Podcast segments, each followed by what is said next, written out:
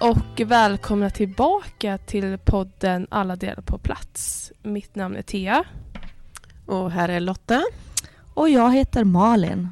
Vi är tillbaka skulle vi kunna säga. Vi har haft eh, en liten ofrivillig paus i eh, några söndagar här.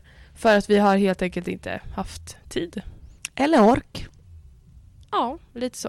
Eh, men nu är vi tillbaka och vi har faktiskt en del att säga. ja, det har vi. För det, den här podden ger ju också så mycket energi och, och jag känner att jag vill ha tillbaks lite energi. Ja, vi satt och pratade om det här innan vi tryck på spela in att eh, vi har lite mindre energi nu än vad vi brukar ha under den här höstperioden. Jag tycker ju att om man ska tänka tillbaka så såklart det är en mörkare period rent vädermässigt och eh, mindre dagsljus och solljus och allt sånt där och det påverkar ju en eh, väldigt mycket, påverkar mig i alla fall. Eh, men det känns som att det är något annat i luften också. Det är inte bara att det är liksom mörkare ute. Eller vad mm. tänker ni? Ja, men du har rätt där, Tia. Eh, fast jag brukar ju tycka att hösten är helt fantastisk. Ni vet lite höstpyssel, halloween happenings. Vi ska börja ha lite lucia och julpyssel. Men någonting skaver just den här hösten. Alltså, läser man i, i liksom tidningar eller lyssnar på olika tv-program så handlar ju mycket om olika kriser runt om i vår värld.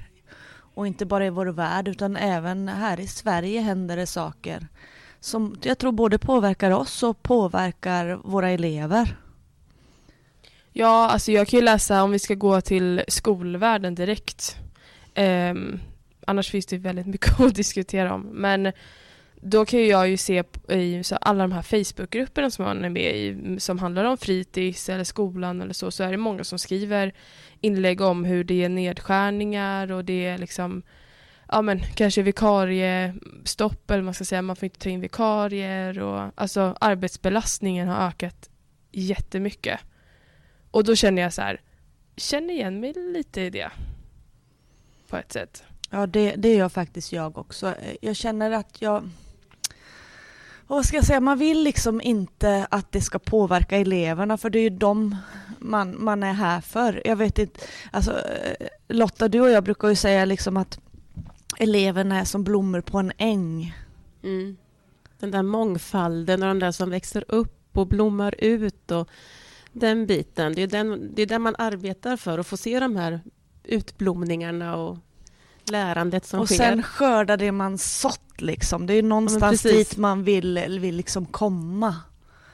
Eh, men, men det är tungt. Alltså, just om den här ökade arbetsbelastningen gör att, att, att ehm, jag känner inte det är lika roligt att hitta på de här kreativa aktiviteterna med våra elever som jag egentligen vill och det är så frustrerande.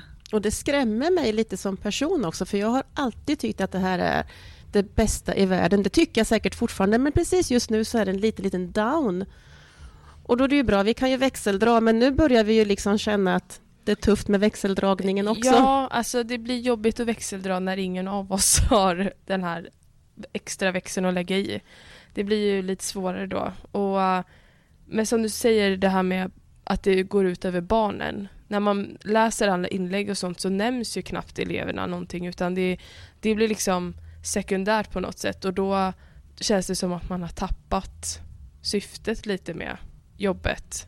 Att, för det är ju liksom barnen, det är ju därför vi är här, det är det som är fokuset. Och sen förstår ju jag själv, för när vi diskuterar så kommer också eleverna kanske sekundärt för man Alltså vi måste ju må bra och vi måste känna att vi har tid och inte är stressade eller liksom någon annanstans i huvudet för att kunna leverera en bra verksamhet. Um, vi vet ju ja. inte hur, hur, liksom ena veckan kommer se ut efter den andra. Liksom. Jag menar det har pågått eh, ja, månader över att vi har fått byta schema för vi har, vi har behövt ändra lite grann på, på hur vi jobbar och sådär. Man liksom hinner inte landa i någonting, någonting bestående liksom, för att kunna liksom få den där energin till att kreera. Mm. Um. Men jag tror ju att än så länge hos oss så tror inte jag att våra elever påverkas. För jag tror vi har Nej. den där drivkraften kvar och jag tror att vi kommer kunna komma upp igen. Och den här podden som ni sa, det ger ju energi också. Jag tror det kan vara bra för, för oss att få prata om det här i en podd också. Det tror jag också, för det är ju liksom därför man kommer hit varje dag, det är ju för våra elever och, och den eh, lyckan och den glädjen finns ju fortfarande kvar. Ja, jag tror att det handlar mycket också om någon slags frustration hos oss för att kanske vi tänker att politiker och så vidare eh, satsar på fel saker. Alltså vi var ju på en, en föreläsning häromveckan eh, där en fråga, det var polisen som höll i den och då var, fick de en fråga av eh, någon i publiken där de undrar liksom om de här nedskärningarna som sker i skolvärlden generellt just nu i Sverige, om det kommer påverka brottsligheten. Visst var det så? Ja, så var det. Ehm, och då sa ju polisen klart och tydligt att ja, mm, och det de påverkar. fick stående ovationer. Ja. Ehm, och det är väl precis eh, egentligen där frustrationen sitter. Vi ser ju hur, hur våran ledning kämpar med, med att försöka liksom göra det bästa för oss och, Gud, ja. och, och, och, kämpar mot, mot sina chefer och, och så här, men det, liksom, det finns aldrig någon som kan komma med, med någon lösning på problemet. Varken vi eller våran chef eller uppifrån verkar det som och det är väl det som gör att man blir så frustrerad att, att ingen kan liksom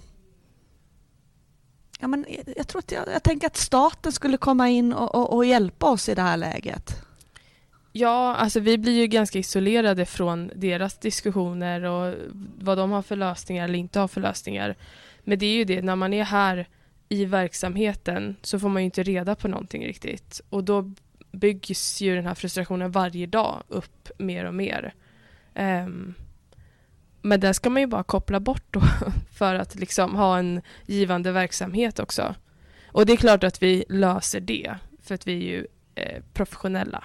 Så. Men eh, ja, inombords så är det ju inte jättekul.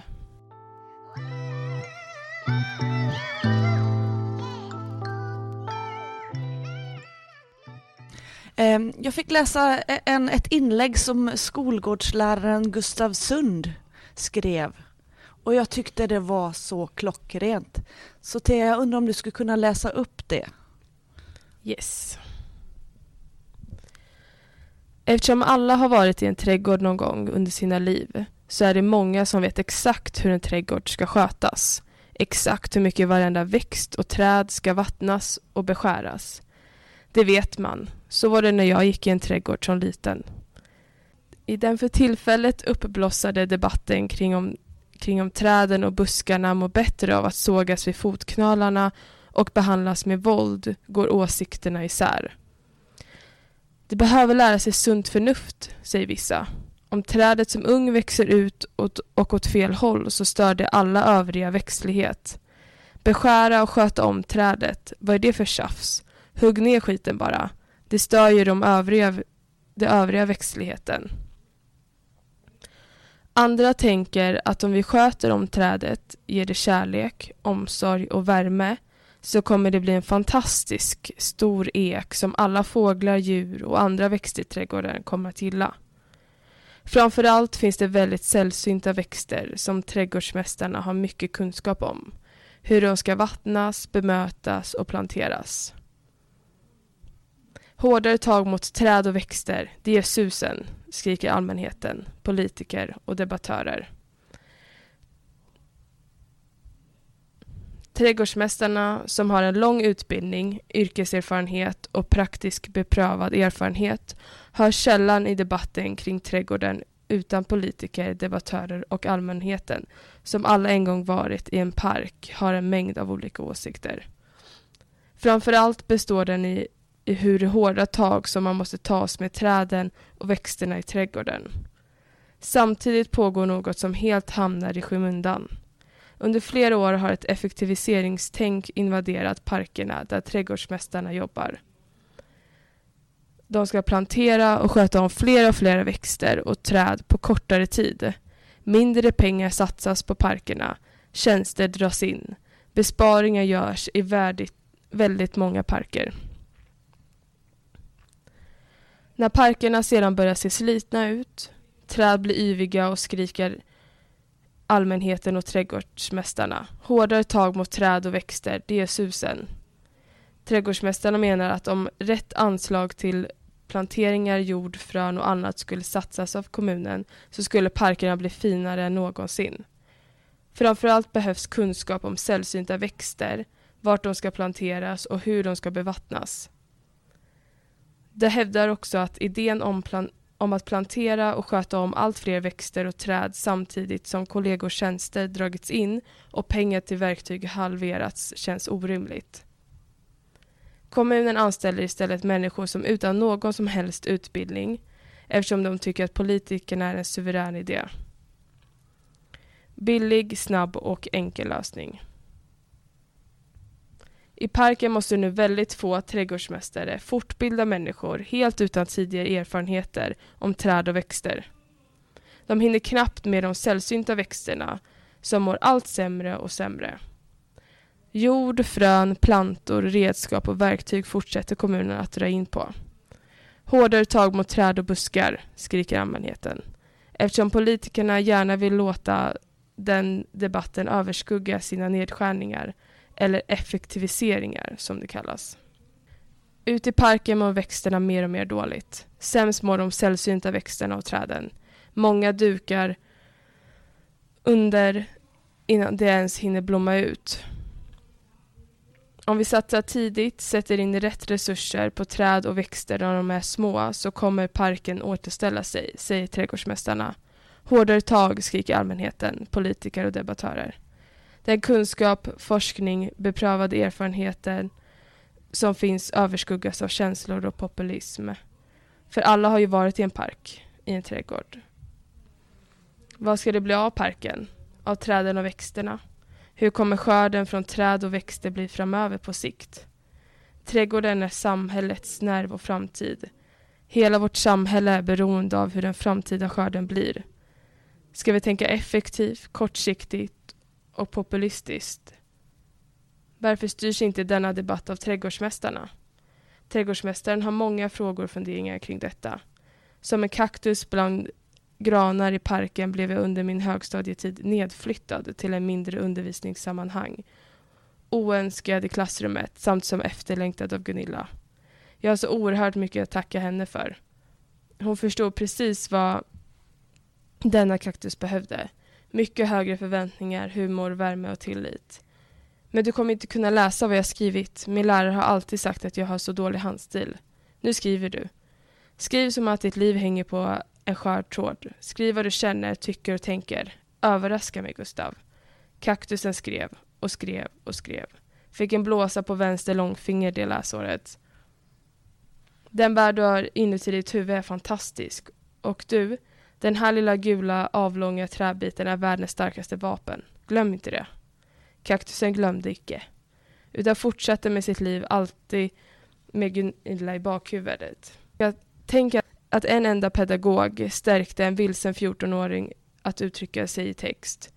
Tänk om politiker skulle våga tänka långsiktigt kring vårt samhälle än samtidigt där unga människor har ihjäl varandra. Tänk om du skulle satsa förebyggande. Tänk om.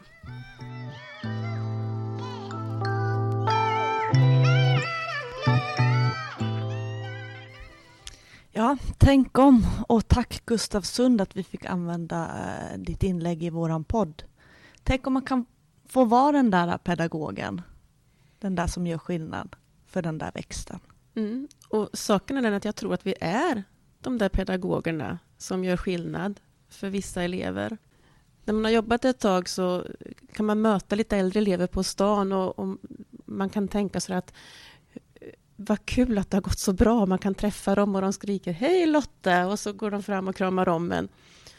Jag jobbar där och där nu. Och i mitt stilla sinne kan jag tänka Oj, här lyckades det. Ja, det är häftigt. Det händer faktiskt då och då. Och det är det som gör ja, men det här värt så mycket mer än att bara eh, gå på de här dag för dag, år för år. Man får tillbaks Mm. Och just den här texten, tack Gustav, får mig faktiskt att inse hur viktiga vi är.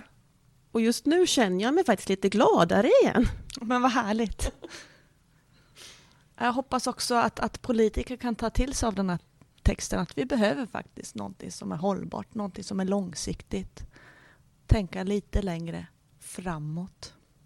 Ja, det var ju skönt att vi kanske kan avsluta på en lite mer positivare not än vad vi började med. Men jag tror att man behöver eh, Ibland behöver man påminnas som ni säger liksom, om vad, vad vi faktiskt gör här. Och då blir det oftast lite roligare. Um, men tack för att ni har lyssnat och om ni har några tankar och funderingar kring det här ämnet också så mejla gärna oss. Um, så kan man ju ta upp det i nästa avsnitt. Mailadressen finns uh, i beskrivningen på avsnittet. Ja, tack så mycket för att ni har lyssnat. Ja, tack så mycket och hej då! Hej då!